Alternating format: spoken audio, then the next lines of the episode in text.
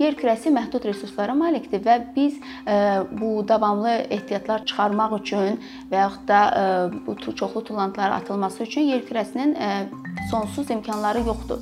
Və ona görə də insanlar artıq resursları təkrar emal etmək üçün yollar axtarmalıdır.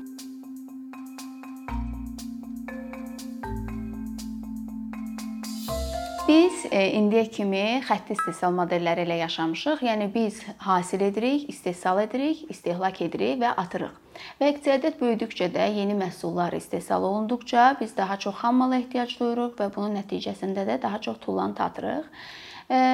İqtisadiyyat ekosistemlə müqayisədə kiçik olduğu müddətcə bu problem deyildir, lakin indi bu istehlak tempinin artdığı, iqtisadiyyatın belə sürətlə böyüdüyü bir dövrdə biz artıq bu cari istifadə etdiyimiz xətti iqtisadiyyat adlandırdığımız e, istifadə et, at e, bu modelimiz dayanıqlı olmayan bir modeldir.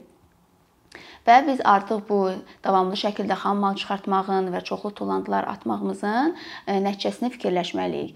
Və buna həll yolu kimi də dairəvi iqtisadiyyat meydana gəlib. Dairəvi iqtisadiyyatın mahiyyəti elə ondan ibarətdir ki, biz e, xam mal çıxartmağın və daha çox tullantılar atmağımızı məhdudlaşdıraq. E, və buna da dairəvi iqtisadiyyat sistemli şəkildə təkrar məhsulların bərpa edərək, onlardan təkrar-təkrar istifadə edərək müvəffəq olur.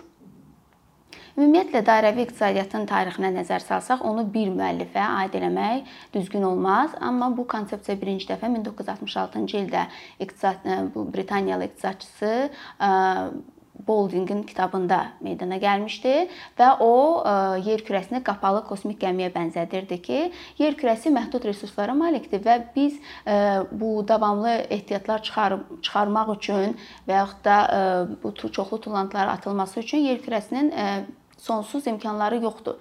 Və ona görə də insanlar artıq resursları təkrar emal etmək üçün yollar axtarmalıdır.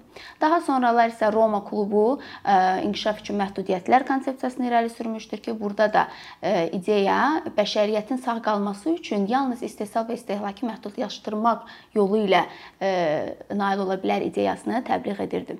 Biz canlı sistemlərə nəzər salsaq, görərik ki, orada e, maddələr axını vardır. E, bir növün e, tullantısı digər növün qidasına çevrilir.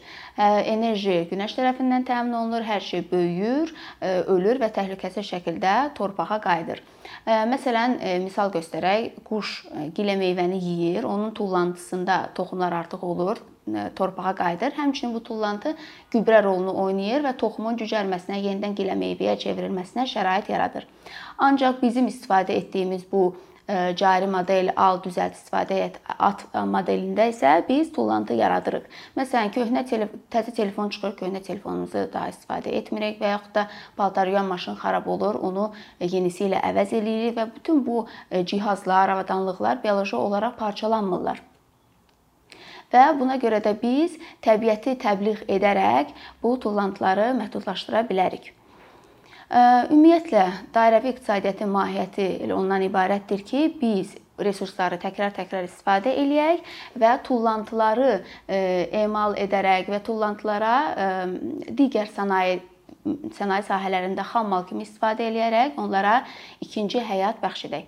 Məsələn, burada e, bir e, misal gətirmək istəyirəm. Deməli, Helsinki-də fəaliyyət göstərən tullantıları idarə edilməsində e, fəaliyyət göstərən bir şirkətdir, Rescue şirkətidir. O kafe və restoranlarda artıq qalmış, satılmayan məhsulları güzəştli qiymətdə istifadəçilərə təklif eləyir və bu məkana əsaslanan bir tətbiqdir. İstifadəçi həmin tətbiqə daxil olarkən öz ətrafında mövcud olan o artıq qalmış və ya da satılmayan yeməklərin siyahısını görür və oradan seçim eləyə bilir.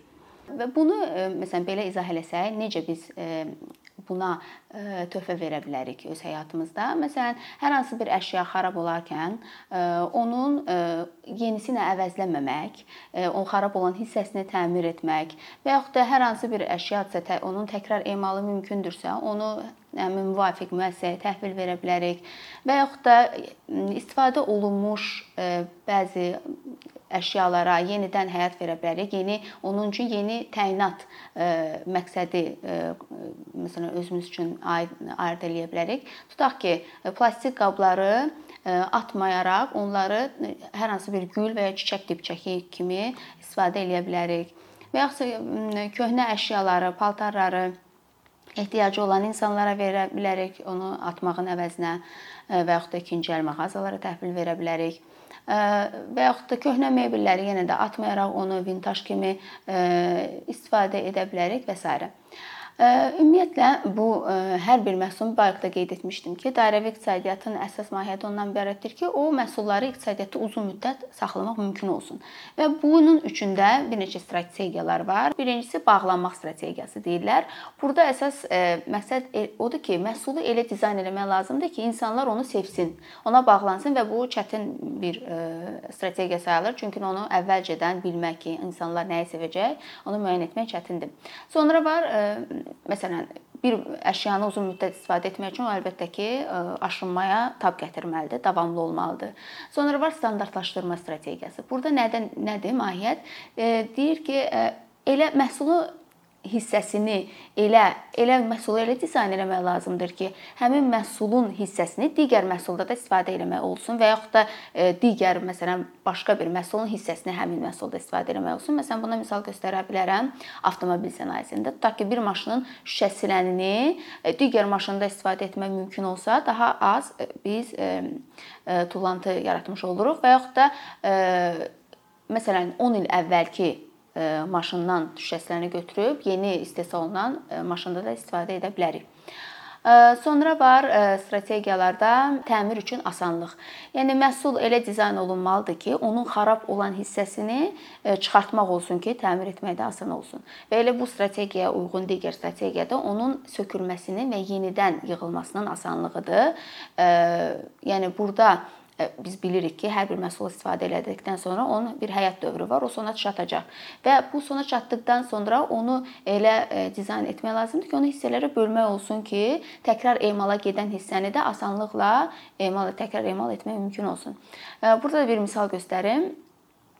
Deməli, e, Fairphone şirkəti var. Biz belə ortalama ümumiyyətlə statistikaya əsasən telefonlar 18 aydan bir yenilənir istehlakçı tərəfindən. Və Fairphone da bu trendə qarşı mübarizə aparır. E, o telefonları elə dizayn etmək istəyir ki, onu asanlıqla yığıb sökmək mümkün olsun. E, məsələn, ayrı-ayrı hissələri satışa çıxarır, sonra təmin etmək üçün video roliklər hazırlayır və e, o e, bu tullantıları azaltmaq üçün də TechBack proqramı da başlatmışdı.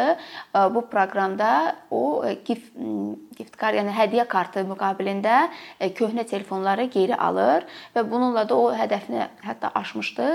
Deməli satış satdığı telefonların təxminən 18%-ni geri almaq almağa nail olmuşdu. Və sonuncu strategiya isə e, uyğunlaşma strategiyasıdır. Bu artıq insanın, istehlakçının istəklərinin dəyişməsidir. Məsələn, biz məişətdə tutaq ki, mikserdən istifadə ediriksə e, və onun başlığını dəyişib pasta hazırlayan bir e, avadanlıq kimi də istifadə etməyimiz bu dairəvi iqtisadiyyata töhfə vermiş olaraq. Deməli, dairəvi iqtisadiyyatın müsbət tərəfləri nələrdir? Birincisi ətraf mühiti qoruyur. Yəni e, bu təbii ehtiyatların çıxarılması məhdudlaşdığına görə, tullantılar e, azaldığına görə biz e, karbon emissiyasını da azaltmış oluruq. Ümumiyyətlə statistikaya əsasən karbon emissiyasının 62% məhz hasilat, istehlak, istehsal və emal prosesindən yaranır. Yalnız 38% bu istehlak və tədarükdən yaranır. Və burada da dairəvi iqtisadiyyatda da təbii ehtiyatları e, çıxarılmasını azaltdığımıza görə, yeni məhsulların hazırlanmasını e, məhdudlaşdırdığımıza görə biz bu karbon emissiyasını da azaltmış oluruq və e, bu hesablamalara görə 2050-ci ilə kimi qlobal miqyasda bu dairəvi iqtisadiyyat tətbiq oluna bilsə, karbon emissiyası 30%-ə qədər azala bilər. Sonra digər bir e, yaxşı tərəfi bərpa oluna bilməyən resursların e, istifadəsinin azalması. Yəni artıq neçə 10 illiklərdir ki, elm adamları bu bərpa oluna bilməyən resursların e, resurslardan davamlı istifadənin təhlükələri barədə bizə xəbərdarlıq eləyirlər və biz amma yenə də o neftdir, metal filizlərdə və s. kimi ehtiyatların çıxarılmasına davamlı şəkildə həm çıxarırıq, həm istehlak edirik və və dairəvi iqtisadiyyat isə bu xam malın çıxarılmasını məhdudlaşdırır və bu təbii ehtiyatların da çox istehlakının qabağını alır. Sonra məşğulluq artır. Deməli, dairəvi iqtisadiyyatda da artıq yəqin ki, başa düşdünüz, əməyə daha çox yer verilir, nəinki xam mala və buna görə də yeni əmək tutumlu təkrar emaldır, yüksək keyfiyyətli təmirdir və yaxud da o yeni məhsul köhnə məhsulların alınmasında logistika sektorunda yeni iş yerləri açılması gözlənilir və yenə də hesablamalara görə 2050-ci ilə kimi əgər dairəvi iqtisadiyyat tətbiq olunsa 6 milyona yaxın iş yeri açılması proqnozlaşdırılır. Həmçinin iqtisadi artıma da kömək eləyir. Məsələn, dövriyyəliyi artırır, funksionallığı artırır e, məhsulların və bu da e, bu iqtisadi artıma töhfə verir. Yenə də hesablamalara görə təxminən 2 e, 2 trilyon ABŞ dolları dəyərində fayda vermə imkanı var dairəvi iqtisadiyyatın. Və sonra həmçinin bu təbii ehtiyatlardan asılılığı azaldır Yəni artıq idxal e, olunan e, xammaldan e, asıllıq azalır, onun müstəq bu, yəni dairəvi iqtisadiyyat onların müstəqilliyini təşviq edir. Və digər faydası da, məsələn, bu xammal bir çox sektorlarda onun qiyməti çoxdur və məsələn onun tədarükündə, istehlakında olan qeyri-müəyyənliklər onun qiymətini artırır. Və dairəvi iqtisadiyyatda da xam maldan istifadə olunduğuna görə o yeni gəlir mənbəsi deməkdir və burada da bir misal göstərim. Deməli dünyada bu baqaj və bağlamaların daşınması sistemini yaradan Vanderlande şirkəti var.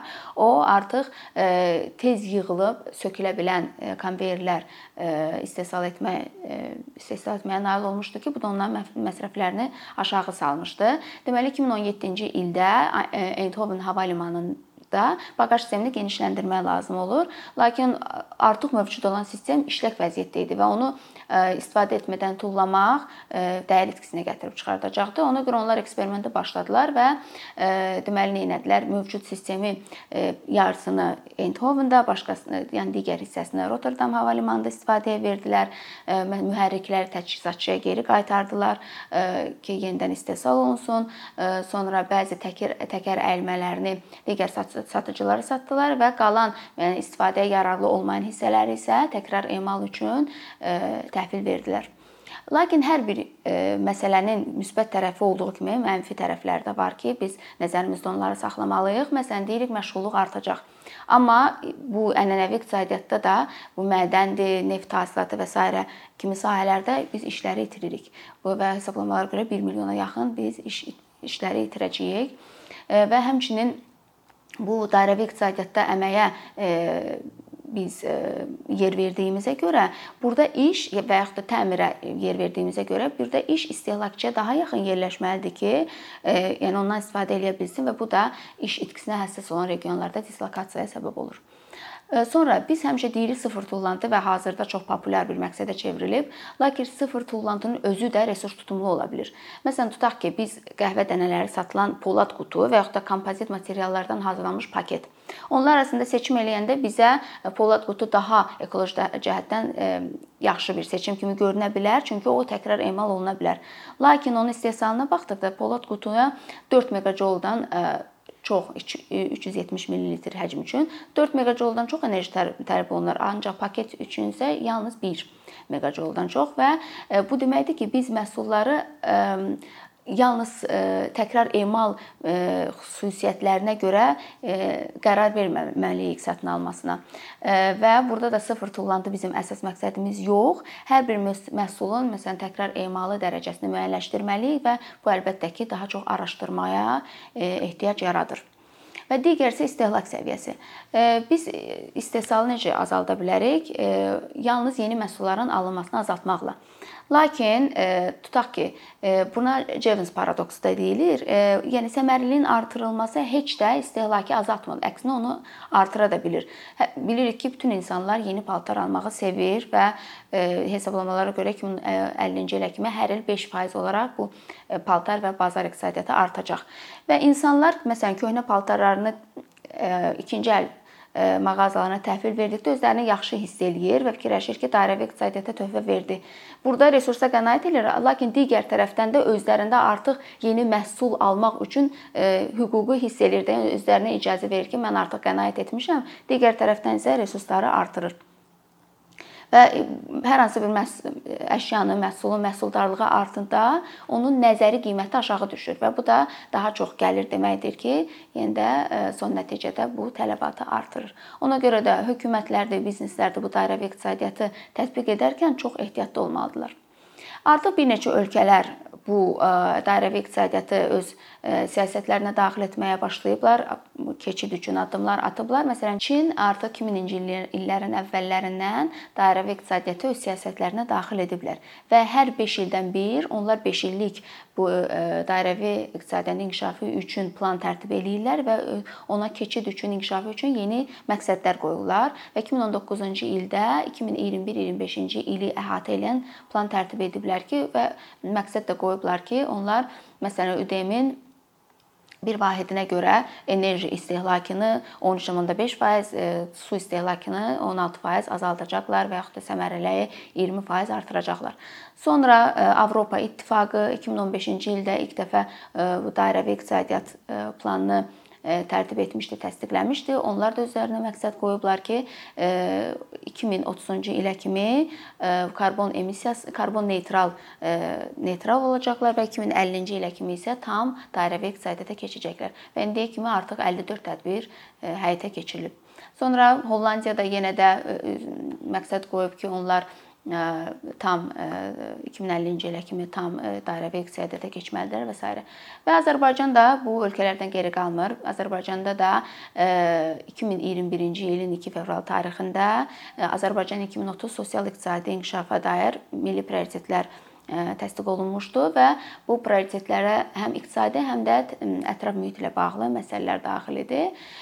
Və bura məsələn misal göstərmək olar ki, o növbəti 10 illiklər ərzində prioritetlərin içində var dayanıqlı artan rəqabət qabiliyyəti iqtisadiyyat və digəri isə təmiz ətraf mühit və yaşıl artım ölkəsi kimi prioritetlərdir.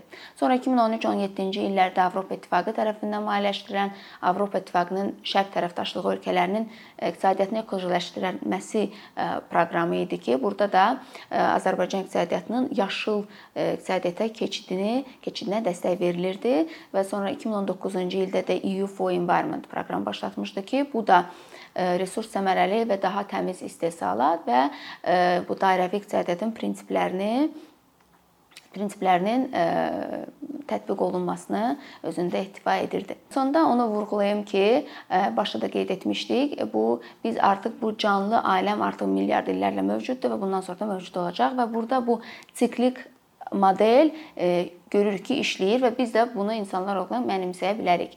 Biz e, artıq görürük ki, sevindirici haldır ki, bir çox şirkətlər e, bu dairəvi iqtisadiyyata keçidə başlayıblar, lakin bu bir şirkətin bir məhsulu dəyişdirməsi deyil, bu infrastrukturu iqtisadiyyatını təşkil edən bütün bir çox şirkətlərin, bütün şirkətlərin bir-biri əlaqəli şəkildə araya gəlməsidir. Və biz artıq bu tullamaq, yeni yeni məhsullarla əvəzləmə mədəniyyətimizin yerinə yeni məhsulları təkrar istifadə edərək, onun yenidən bazara qayıdışını e, təmin edərək, bu yanaşma yanaşmanı qəbul edərək, dairəvi iqtisadiyyatı qəbul edərək e, dayanıqlı bir modelə nail ola bilərik.